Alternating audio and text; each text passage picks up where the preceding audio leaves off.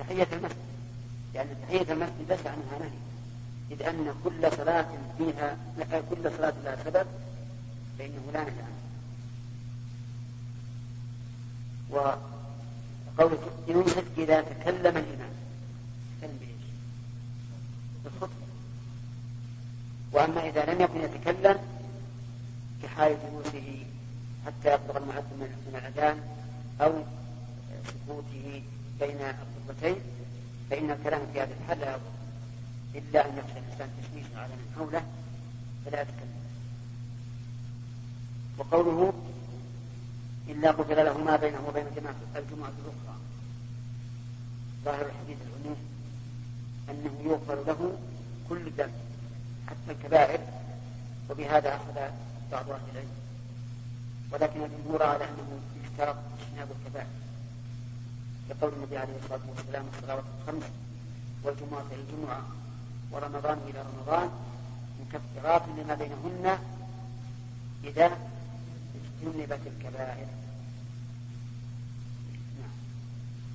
حدثنا أبو اليمان قال حدثنا شعيب عن الزهري قال طاووس قلت لابن عباس ذكروا أن النبي صلى الله عليه وسلم قال اغتسلوا يوم الجمعة واغسلوا رؤوسكم وإن لم تكونوا جنبا وأصيبوا من الطيب.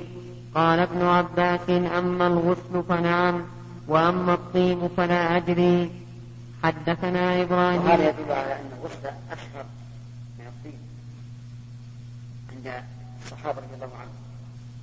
وقد سبق أن النبي صلى الله عليه وسلم قال غسل الجمعة واجب على كل محترم وأن يتسوق ويمس من أهله وذكرنا أن أحد الرواة قال أما الغسل فأشهد أنه واجب وأما الباقي يعني فلا. وبهذا نعرف أنه لا معارضة ممن زعم أن قرن الطيب مع الغسل يدل على أن الغسل ليس بواجب. وأن هذا ليس بعذر. لأنه قد يقرن بين الأشياء في أمر في أمر ما مع اختلافها في بقية الأمور. وذكرنا ذلك مثل قوله تعالى والخيل والبغال والحمير لتركبوها وزينة. مع أن الخيل؟ حلال حدثنا إبراهيم بن محمد. نعم. ما ما ما على قد الحديث شاذ. أصلا ما ولا السؤال الشيخ ما انت ما انتهى الباب لازم ينتهي الباب إيه؟ هذه القاعدة والقاعدة غسل البغال يسأل ولا تسأله ما ما دام اللف واحد. اي هو انتهى الباب. هذا المسؤولية عليك. لا يا شيخ أنا أطبق نظام. ماذا ماذا؟ إن كان إن كان كنتم متغيرين. ما دام هذا النظام فالمسؤولية عليك أنت. اذا أحد سأل وكتب لنا قل له. حدثنا إبراهيم بن محمد. حدثنا إبراهيم بن محمد بن موسى. قال أنبأنا هشام. أن ابن أن ابن جريج أخبرهم. قال أخبرني إبراهيم بن ميسرة. عن طاووس عن ابن عباس أنه ذكر قول النبي صلى الله عليه وسلم في الغسل يوم الجمعة فقلت لابن عباس أيمس طيبا أو دهنا إن كان عند أهله؟ فقال لا أعلمه لكن كون ابن عباس لا يعلمه قد علمه غيره فيخبر وفي هذا دليل على أن الإنسان مهما بلغ من العلم فإنه قد يخفى عليه بعض بعض الأحكام. ولا أعجب من قصة الطاغي فإنه انفرد به عن جميع الصحابة. من؟ عبد الرحمن بن عوف. فإن أمير المؤمنين عمر لما سافر إلى الشام وكان في أثناء الطريق قيل له إنه قد وقع فيه الطاعون فتوقف وشاور الصحابة ولم يعلم أحد بالحديث عن رسول الله صلى الله عليه وسلم في ذلك إلا عبد الرحمن بن عوف. جاء فأخبره. نسأل. في السؤال؟ جاوب ها؟ جاء جاء نعم. نعم.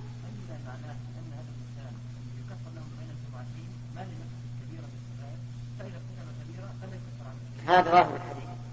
هذا هو ظاهر الحديث.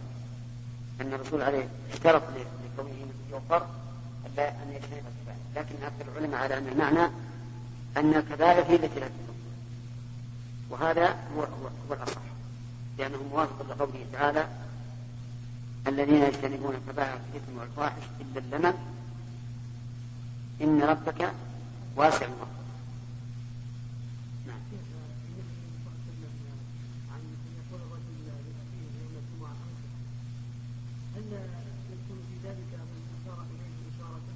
لا. يجوز إشارة شيء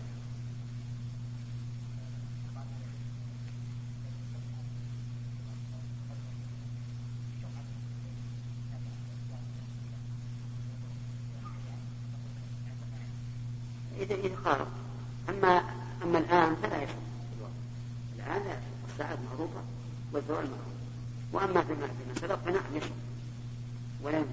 لكن هذا الذي يشق حتى في غير ذلك حتى في الجمعة الناس يوم مع ذلك الرسول قال آه، النهي إذا قام قام ظهيرة حتى تزول الشمس. نعم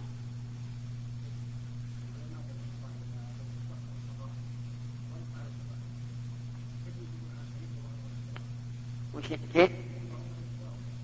ظاهره إيه الحديث ورد في بعض الحديث ورد في بعضها ورد الاطلاق والعمل ليس واحد حتى نقول نقيد هذا بهذا فيقول ما دام العمل ليس بواحد يعني العمل الموجب للمغفرة ليس واحدا فلا يمكن أن نقيد هذا الحديث كم الإنصاف؟ ثلاثة ولا خمسة؟ طيب. باب يلبس أحسن ما يجد. حدثنا عبد الله بن يوسف قال أنبأنا مالك عن نافع عن عبد الله بن عمر أن عمر بن الخطاب رأى حلة سيرا عند باب المسجد. فقال لرسول الله صلى الله عليه وسلم لو اشتريت هذه فلبستها يوم الجمعة وللوفد إذا قدموا عليك.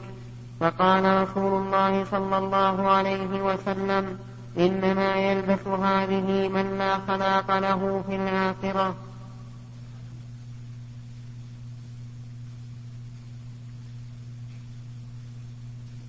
كم من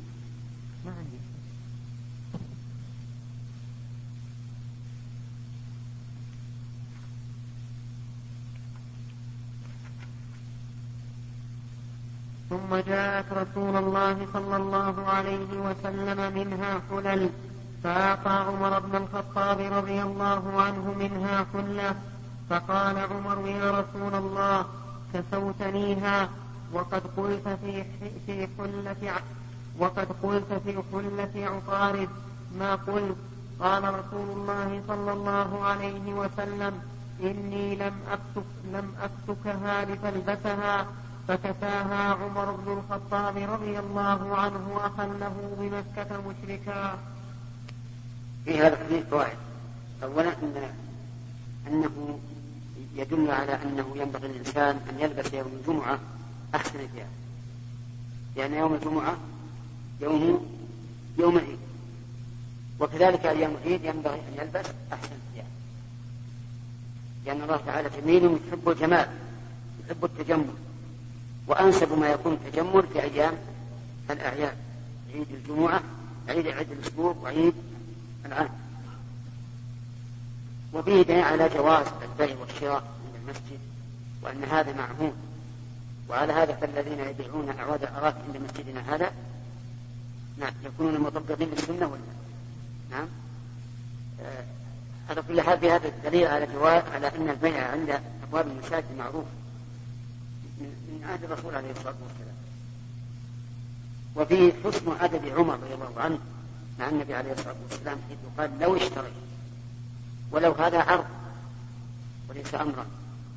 وهكذا ينبغي الإنسان مع الأكابر أن يكون متأدبا في الكلام لأن لكل مقام مقالا وفي أيضا دليل على أن الدين الإسلامي موافق للفطرة والعادة الجميلة حيث قال يا مسعود حيث قال وللوفد إذا قدموا عليه. وللوفد إذا قدموا عليه. فدل هذا على أن الإنسان ينبغي له أن يتجمل عند قدوم الوفد عليه. لكن هل المراد كل وفد أو الوفد الذي الذي يكون من غير البلد حتى يعرف أنه قد أكرم في عجيب يا الثاني الجواب هو الثاني لأن الوفد الذين من البلد أنت وإياهم سواء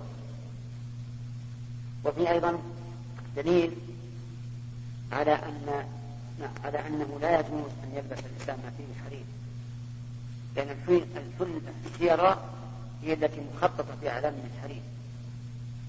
ودليل ذلك قوله عليه الصلاة والسلام إنما يلبس هذه من لا خلاق له في الآخرة. أي لا نصيب له فيها وهم الكفار. فإن قال قائل إذا كان الخلط يسيرا فإن قلنا لا يضر. إذا كان في موضع واحد من أربع أصابع فأقل. فهذا قد زاده الشر لإعطاء النفس بعض الحظ من لباس ما تهواه وتستأنس به. فمثلا إذا كان الإنسان في جبته شجر من حرير مقدار أربع أصابع فأقل فهذا إيش؟ كان أو كان في طرف الكل.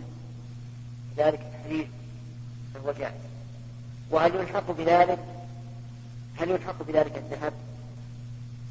يعني مثل المشارف بعض المشارف يكون فيها ضوء من ذهب خالص. فهل يلحق بذلك أو لا؟ أكثر العلماء أن لا. يلحق وأن هذه المشارف المعصرة في الذهب حرام.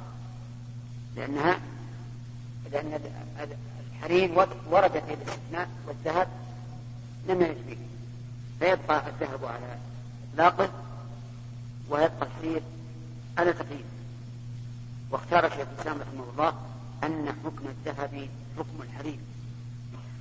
وأنه إذا كان في الثوب آه، علم من الذهب أربع أصابع فأقل فلا بأس. وهذا بالنسبة للرجال أما النساء فيجوز لهم. ولكن الاحتياط ما ذهب اليه الجمهور أنه لا لكن بقي علينا هذه المشاة والعداء التي فيها اطواق من الذهب. هل نقول إنها حرام؟ نقول أولا لا بد أن نتحقق هل هذا ذهب حق خالص أو لا؟ هذا لأن كثير من الناس يقولون هذه ليس ذهبا ولكنه ملون بالذهب أما هو فليس بذهب فإذا شككنا رجعنا إلى إيش؟ عجيب. إنه مباح. طيب. وفي هذا الحديث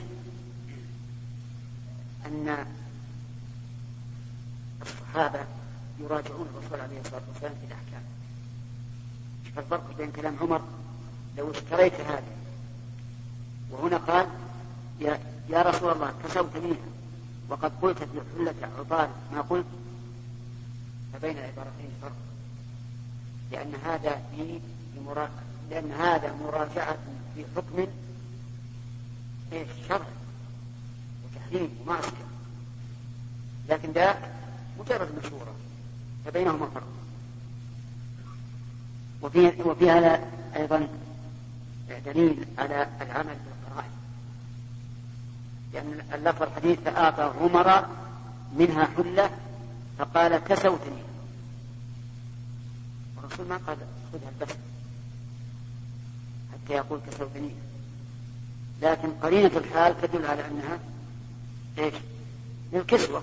ولهذا لو أعطاك إنسان ثوبا ففي احتمال أنه أعطاك إياه. هدية أو أعطاك إياه لتعطيه غيره أو أعطاك إياه لتبيعه أو ما أشبه ذلك. فما هي القرينة؟ فعلى أي شيء تدل قرينة؟ تدل على أنه لك. ولهذا قال كسوتنيها وقد قلت في حلة عطاء فقال رسول الله إني لم أكسوكها لتلبسها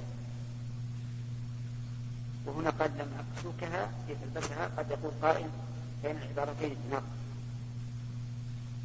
كيف يقول أكسوكها ويقول لم يكن ذلك الكسوة إذ لا كسوة إلا في الرجل فإما أن يقال إن هذا من باب مقابلة اللفظ بمثله لأنه قال كسوتنيها فيكون معنى لم أكسوكها لم أعطيكها لتلبسها وإما أن يقال إن الكسوة نوعان. مطلق كسوة وكسوة مطلقة فالكسوة المطلقة هي الكاملة وهي التي يلبسها المعطى ومطلق الكسوة يعطاها وقد وقد يلبسها وقد لا يلبسها. فيحمل قوله لم أكسوكها على إيش؟ مطلق الكسوة واللبس على الكسوة المطلقة فكساها عمر بن الخطاب إلى طيب في هذا الحديث من الفوائد أيضا. اختلاف التعبير باختلاف الأحوال. وفي أيضا دليل على أن المشرك يجوز له الحرير ولهذا كساها عمر أخا له بمكة مشرك وفيه أيضا دليل على جواز مواصلة الأقارب المشركين. لأن النبي لأن عمر كمال. معنى. إيش قلت؟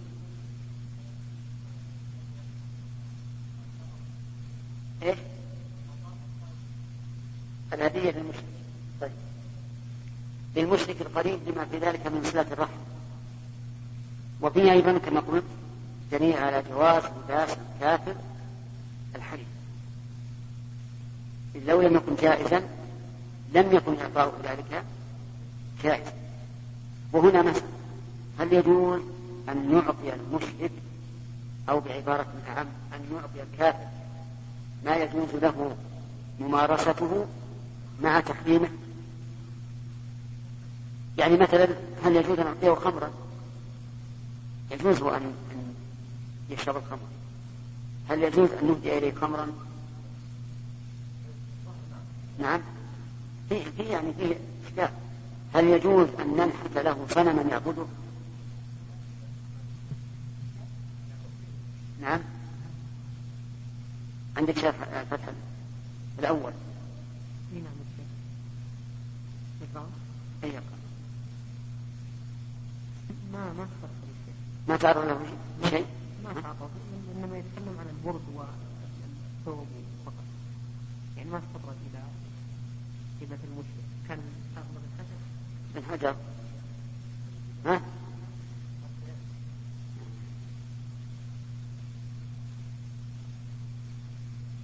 الحجر رحمه الله من أكبر خصائص الفتح إنه يحيل دائما أو يقول سبق ثم تراجع ما سبق ما تدري. وتراجع ما حال به ما تدري. سبحان الله. ما لتقريب الحجر؟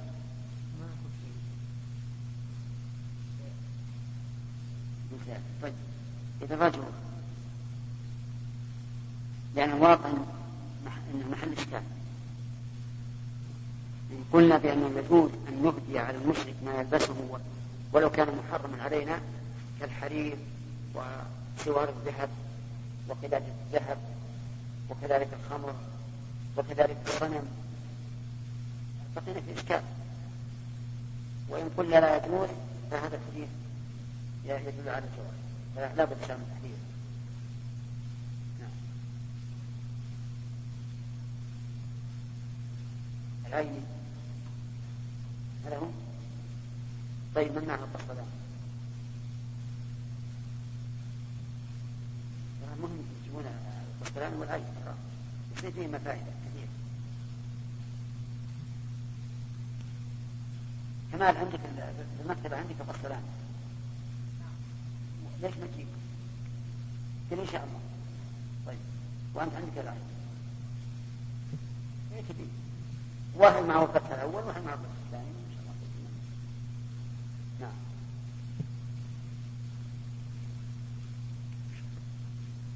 باب السواك يوم الجمعة. وقال أبو سعيد عن النبي صلى الله عليه وسلم يفتن. حدثنا عبد الله بن يوسف قال أنبأنا مالك عن أبي الزناد عن الأعرج عن أبي هريرة أن رسول الله صلى الله عليه وسلم قال لولا أن أشق على أمتي أو على الناس لأمرتهم بالسواك مع كل صلاة. هذا قوله وقال أبو سعيد سبق هذا الحديث موصولا في نفس الجبل قال غسل الجمعة واجب على كل محترم وأن يفتن نعم يعني يتسوى. لكن البخاري رحمه الله من خصائص تعليقه أنه يأتي بالمعلقات هذه إشارة إلى أنها سبقت أو ستأتي وهنا قال لولا أن أشق على أمتي أو على الناس لأمرتهم بالسواك مع كل صلاة أما اللفظ الأول فهو على أمتي المراد الأمة إيش؟ الإجابة لأن لأن غير المسلم لا يصلي. ثانيا آه اللفظ الثاني أو على الناس هذا عام ولد به مسعود. إيش؟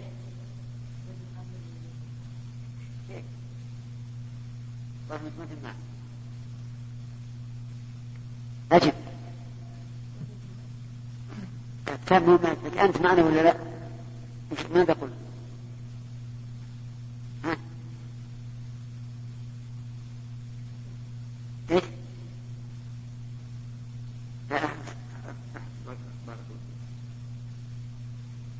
الثاني أو على الناس هذا الثاني يراد بالناس المسلمين هنا لأمرتهم بالسواك مع كل صلاة أمر إيجاب ما هو أمر استحباب لأن ال- ال- الذي يشق هو أمر الإيجاب إذ أن أمر الاستحباب ليس بشرط لأن المستحب يجوز للإنسان أن يدعه.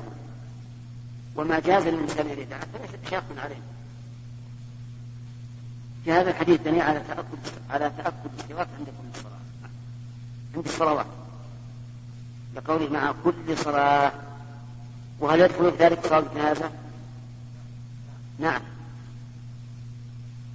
وفيه أن الأمر المطلق يقتضي الوجوب.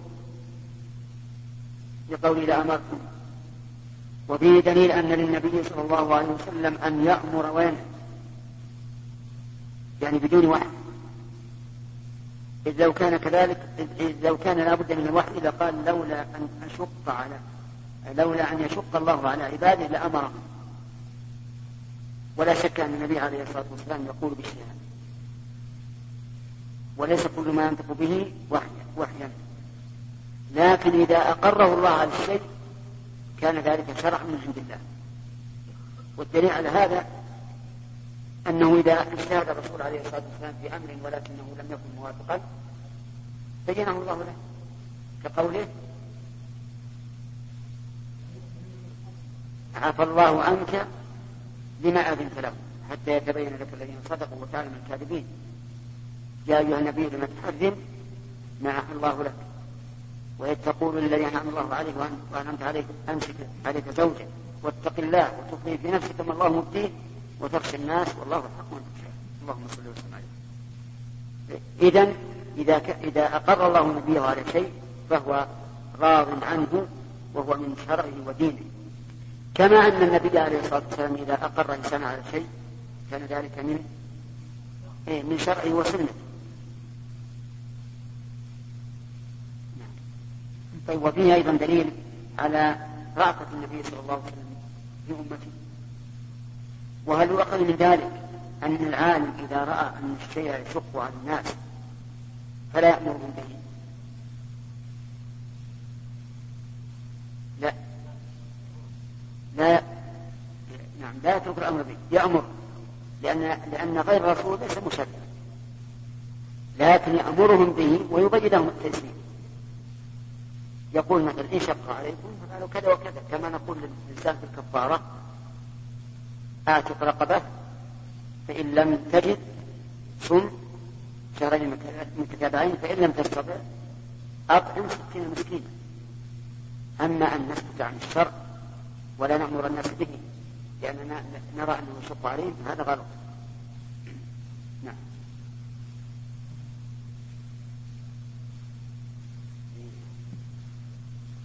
بارك على عبده ورسوله نبينا محمد. وعلى آله وأصحابه أجمعين. أما بعد فقد قال الإمام البخاري رحمه الله تعالى في كتاب الجمعة باب الدهن للجمعة. حدثنا آدم قال حدثنا ابن أبي ذئب عن سعيد المقبوري قال أخبرني أبي عن ابن وديعة عن ما قرأ قرأ على باب من تسوق بسواك باب من باب من تسوك بسواك غيره. حدثنا إسماعيل. قال حدثني سليمان بن بلال. قال قال قال قال هشام بن عروة. أخبرني أبي عن عائشة رضي الله عنها قالت دخل عبد الرحمن بن أبي بكر ومعه سواك يستن به. فنظر إليه رسول الله صلى الله عليه وسلم فقلت له أعطني هذا السواك يا عبد الرحمن. فأعطاني فقصمته ثم مضغته فأعطيته رسول الله صلى الله عليه وسلم فاستن به وهو مستسند إلى صدري. من تسوك بسوك غيره يعني هل يجوز أو لا يجوز؟ يبيع نصح هل يجوز أو لا يجوز؟ والصواب أنه يجوز ما لم يكن في الغيب آه، أمراض يخشى من انتقالها إلى الآخر. فهنا لا يجوز. وأما إذا كان صاحب السواك نزيها لا ليس فيه مرض فلا بأس أن يتسوى. لكن ظاهر الحديث كما سنذكره أنه إذا أراد أن يتسوق بشرف غيره يكسر الشعر والشعث الذي في السواق ثم يقدمه من جديد حتى يكون صالحا للتسوق به. فلننظر. دخل عبد الرحمن بن أبي بكر رضي الله عنه ومعه سواك يستن به. وكان النبي صلى الله عليه وسلم قد احتضر. حضر اجله صلوات الله وسلامه عليه. فلما دخل عبد الرحمن مد النبي صلى الله عليه وسلم إليه بصرة. ينظر إلى السواك لكن لم يتكلم. قالت عائشة فعرفت أنه يحب السواك. يعني تعرف نفسية النبي عليه الصلاة والسلام إذ أنها عشيرته رضي الله عنه. فقلت آخذه لك؟ فأشار برأسه نعم. فأخذته وقضمته أي قطعته. كل السواك لا الظاهر أنها قطعت ما استعمل من السواك وهو الشعيرات التي تكون على رأس السواك. ثم تقول ثم مضغته يعني هيكتب ليلين وتخرج شعرات أخرى جديدة. فأعطى تقول فأعطيته النبي صلى الله عليه وسلم فاستن به تسوى قالت في حديث المطول هذا البخاري اختصره هنا. قالت فاستن به استنانا ما رأيت استن استنانا أحسن. منه بالغ ونظف حتى يخرج من الدنيا وقد طيب فمه عليه الصلاة والسلام. من المعلوم أنه لما لما أنها لما قسمته ومضغت فيبتل بريقها رضي الله عنه. فاستاك به النبي صلى الله عليه وسلم. فكان آخر ما فهم الرسول عليه الصلاة والسلام من هذه الدنيا ما هو؟ ريق عائشة رضي الله عنها. ريق عائشة. ومات في بيتها. ومات في يومها. ومات في حجرها. بين الحاقنة والداخل. كل هذا مما يدل على كرامة الله تعالى لهذه المرأة أم المؤمنين رضي الله عنها. وهو دليل على فضلها. وأن ما وقع منها مما وقع في وقعة الجمل مغفور لها بسوابقها وفضائلها رضي الله عنها. وهي كغيرها من الناس. تجتهد وتخطئ وتصيب وفيه دليل على أنه ينبغي للمحتضر إن كان معه وعي أن يستن اقتداء بالنبي صلى الله عليه وسلم. لأن الرسول أحب هذا وطلبه سألته عائشة رضي الله عنها فتح الباب الأول قال ابن وغيره. يروى فقسم فقسمته بفتح الصاد المهملة أي كسرته. فأبنت منه فأبنت منه الموضع الذي كان استن به عبد الرحمن. والقصامة ما يكسر من رأس السواك. هذا هو الذي ذكره الخطابي. وقال أصل القسم الدق ويروى فقضمته بكسر فقضمته بكسر الضاد المعجمة من القضم وهو العظم بالأسنان. ومنه الحديث فيقضمها كما يقضم الفحل. آه في بياض الاستياك بسواك غيره في باب لفظ السواك إلى الأكبر من كتاب الطهارة فأغنى عن إعادته ها هنا. لأنه تقدم. البياض لعله تقدم أو سبق.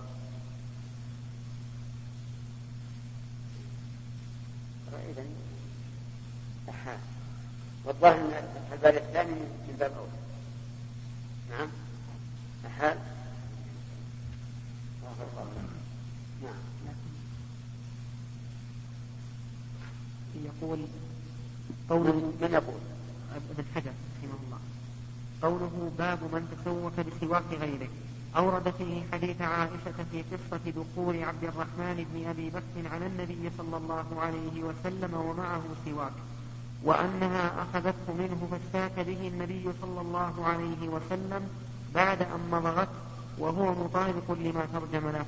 والكلام عليه يذكر مستوفا إن شاء الله تعالى في أواخر المغازي عند ذكر وفاة النبي صلى الله عليه وسلم.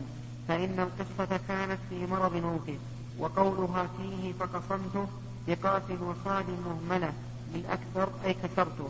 وفي رواية كريمة في وفي رواية كريمة وابن السكن بضاد معجمة والقضم بالمعجمة الأكل بأطراف الأسنان. قال ابن الجوزي وهو أصح. قلت ويحمل الكسر على كسر موضع الاستياك فلا يناسب الثاني والله أعلم. وقد أورد الزين بن المنير على مطابقة الترجمة بأن تعيين عائشة موضع الاستياك بالقطع وأجاب أن استعماله بعد أن مضغته وات بالمقصود وتعقب بأنه إطلاق في موضع التقييد. فينبغي تقييد الغير بأن يكون مما لا يعاف أثر فمه. إذ لولا ذلك ما غيرته عائشة. ولا يقال لم يتقدم فيه استعمال لأن في نفس الخبر يستن به وفيه دلالة على تأكد أمر السواك لكونه صلى الله عليه وسلم لم يخل به مع ما هو فيه من شاغل المرض.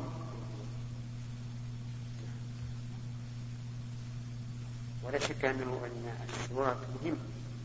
كقول النبي صلى الله عليه وسلم السواك مطهرة للفم مرضاة للرب كل إنسان يطلب رضا الله عز وجل.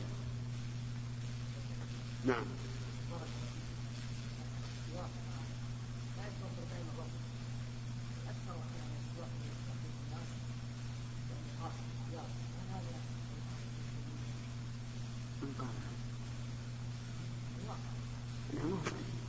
الواقع انه سواء من دخل سواء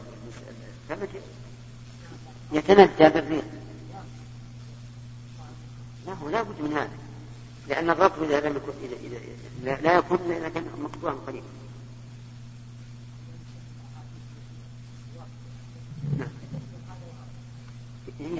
حتى ما تندى بفمك هو رطب شو عبد الله من هذا؟ من؟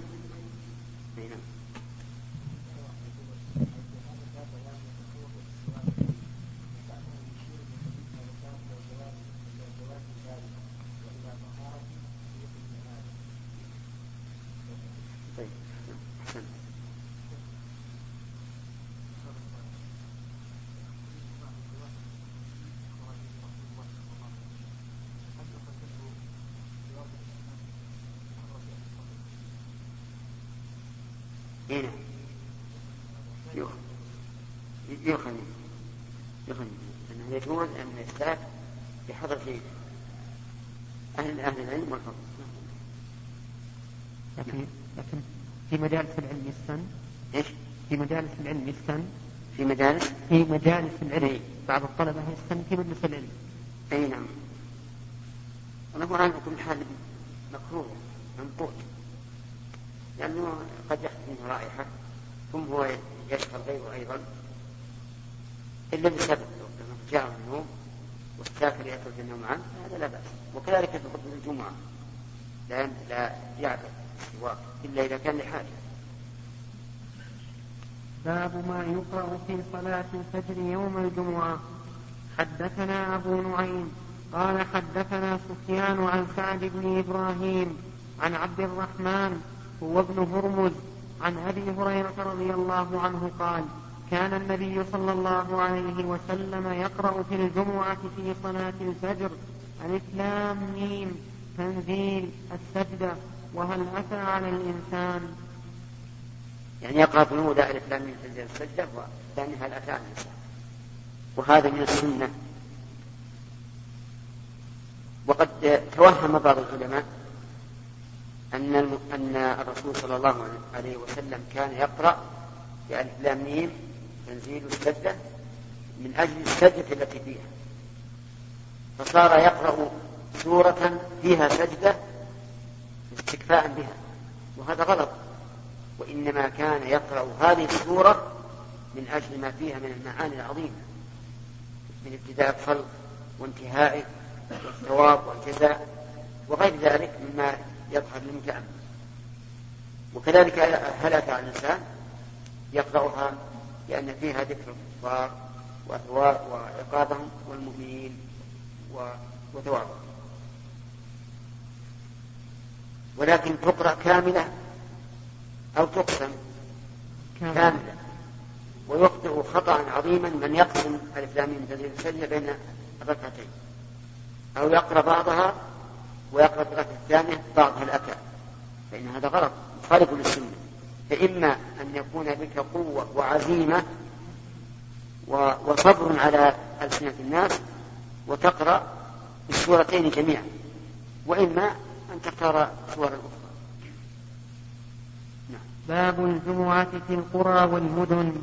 حدثنا محمد بن المثنى قال حدثنا أبو عامر العقدي قال حدثنا إبراهيم بن طهمان عن أبي جمرة الضبعي عن ابن عباس أنه قال إن أول جمعة جمعت بعد جمع بعد بعد جمعة في مسجد رسول الله صلى الله عليه وسلم في مسجد عبد القيس بجواثة من البحرين. يقول البخاري رحمه الله باب الجمعة في القرى والمدن. القرى البلاد الصغيرة والمدن الكبيرة. مع أنه يجوز إطلاق القرى على المدينة الكبيرة كما في القرآن الكريم في مواضع كثيرة. وأراد بهذه الترجمة أن لا جمعة في البرغد فأهل الخيام من البادية وغيرهم لا يجمعون لأنهم ليسوا في قرى ولا مدن وقد كان الناس حول المدينة في عهد النبي صلى الله عليه وسلم من أهل البوادي لا يجمعون أي لا يقيمون صلاة الجمعة ولم يأمرهم النبي صلى الله عليه وسلم بذلك. ومن باب أولى المسافر الذي جد به السير وقد قال بعض بعض أنصاف العلماء إن الجمعة مشروعة في السفر والحضر. وقال الأصل العموم. فيقال سبحان الله أتهدرون عمل النبي عليه الصلاة والسلام. هل صلى مرة من المرات الجمعة في سفره؟ بل إن المسلمين كل أكثرهم كانوا معه في حجة الوداع وصادف يوم الجمعة يوم عرفة ومع ذلك لم يصلي الجمعة. فمن لكم العموم؟ إن فعل الرسول عليه الصلاة والسلام وسنته تبين القرآن الكريم. فلا جمعة إلا في القرى والمدن. ثم إن الواجب أن لا يكون في المدينة والقرية إلا جمعة واحدة. ولا يجوز أن تتعدد الجمعة إلا للضرورة. ولم تتعدد الجمعة في الإسلام إلا في القرن الثالث. يعني أن المسلمين مضى عليهم أكثر من مئة من مئة سنة ما تعدد الجمعة يأتون من من العوالم من الأمكنة البعيدة ليصلوا في مسجد واحد. وما وما عليه المسلمون اليوم من التفرق وكون كل مسجد فيه جمعة في بعض البلاد الإسلامية هذا خطأ خطأ عظيم. مخالف لهذه السلام نعم لو فرض أن المساجد ضيقة أو أن الأماكن متباعدة واحتاج الناس إلى التعدد فيكون ذلك بقدر الحاجة ترجمة. أي التفخيم؟ الفتح الأول. هو إذا أطلق الفتح الأول الآن؟ نعم. إذا أطلق فالأول إذا أطلق فهو الأول لأنه السابق. قد ذكرنا وإذا كان في الثاني زيادة فالإخوان نعم نعم. كثير ها؟ كثير. قد ذكرنا هذا الحديث في أول كتاب الجمعة وذكرنا بعض الاختلاف. حديث باب الجمعة باب الجمعة إيه أنا ادري البخاري. ادر باب الجمعة اقرا الحديث؟ اي باب الجمعة في القرى والمدن. خلاص وش وش قال عليه؟ قد ذكرنا هذا الحديث في أول كتاب الجمعة وذكرنا بعض الاختلاف في إسناده ومتنه وأن معناه أنه لم يجمع في الإسلام بعد التجميع بالمدينة. إلا في مسجد عبد القيس بالبحرين فكان أول بلد أقيمت الجمعة فيه المدينة ثم بعدها قرية جواثة بالبحرين وهذا يدل على أن عبد القيس أسلموا قبل فتح مكة وجمعوا في مسجدهم ثم فتحت مكة بعد ذلك وجمع فيها. والمقصود أنهم جمعوا في عهد النبي صلى الله عليه وسلم في قرية جواثا وإنما وقع ذلك منهم بإذن النبي صلى الله عليه وسلم وأمره لهم فإن وفد عبد القيس أسلموا طامعين وقدموا راغبين في الإسلام وسألوا النبي صلى الله عليه وسلم عن مهمات الدين وبين لهم النبي صلى الله عليه وسلم قواعد الإيمان وأصوله وقد سبق وقد سبق ذكر حديثهم في كتاب الإيمان. فيدل ذلك على جواز إقامة الجمعة بالقرى وأنه لا يشترط لإقامة الجمعة المصر الجامع كما قاله طائفة من العلماء. وممن ذهب إلى جواز إقامة الجمعة في القرى عمر بن عبد العزيز وعطاء ومكحول وعكرمة والأوزاعي ومالك والليث بن سعد والشافعي وأحمد وإسحاق. وروى القناد عن سفيان نحوه. وكان ابن عمر يمر بالمياه بين مكة والمدينة فيرى أهلها يجمعون فلا يعيب عليهم. ذكره عبد الرزاق عن العمري عن نافع عنه وروى ابن المبارك عن أسامة بن زيد عن نافع عن ابن عمر لا جمعة في سفر ولا جمعة إلا في مصر جامع. وهذا مع الذي قبله يدل على أنه أراد بالمصر القرى. وروى الأكرم بإسناده عن أبي ذر أنه كان يجمع بالردة مع الناس وقال الطائفة لا جمعة إلا معروفة الربذة أنه كان يجمع بالربذة مع الناس وقال الطائفة لا جمعة إلا في مصر جامع. روي ذلك عن علي. وبه قال النخعي والثوري في المشهور عنه وأبو حنيفة ومحمد بن الحسن وقال الحسن وابن, وابن سيرين لا جمعة إلا في مصر. وقد روي عن علي خلاف ذلك. روى وكيع عن قيس بن الربيع عن طالب بن السميدع عن أبيه أن عليا جمع بالمدائن وعن سفيان عن عطاء بن السائب عن أبي عبد الرحمن السلمي. أن حذيفة جمع بالمدائن وعن شعبة عن عطاء بن أبي ميمونة عن أبي رافع عن أبي هريرة قال كتبت إلى عمر بن الخطاب أسأله عن الجمعة بالبحرين فكتب إلي أن اجمعوا حيثما كنتم وقال الإمام أحمد هذا إسناد جيد. وروى وكيع بإسناده عن النخعي أنه جمع بحلوان وهذا كله يدل على أن من قال لا جمعة إلا في مصر الجامع فإنه أراد بذلك القرى التي فيها وال من جهة الإمام. فيكون مراده أنه لا جمعة إلا بإذن الإمام في مكان له فيه نائب يقيم الجمعة بإذنه. وبذلك فسره أحمد في رواية عنه. وكذلك روي عن محمد بن الحسن صاحب أبي حنيفة تفسير المصر أن الإمام إذا بعث إلى قرية نائبا له لإقامة الحدود فهو مصر فلو عزله ألحق بالقرى. وروي نحوه عن أبي يوسف وعن أبي حنيفة أيضا. قال أحمد المصر إذا كان به الحاكم ولا يقال للقرى مصر. وقال إسحاق كل قرية فيها أربعون رجلا. يقال لها مصر وهذا بعيد جدا. وعن سفيان روايتان في تفسير المصر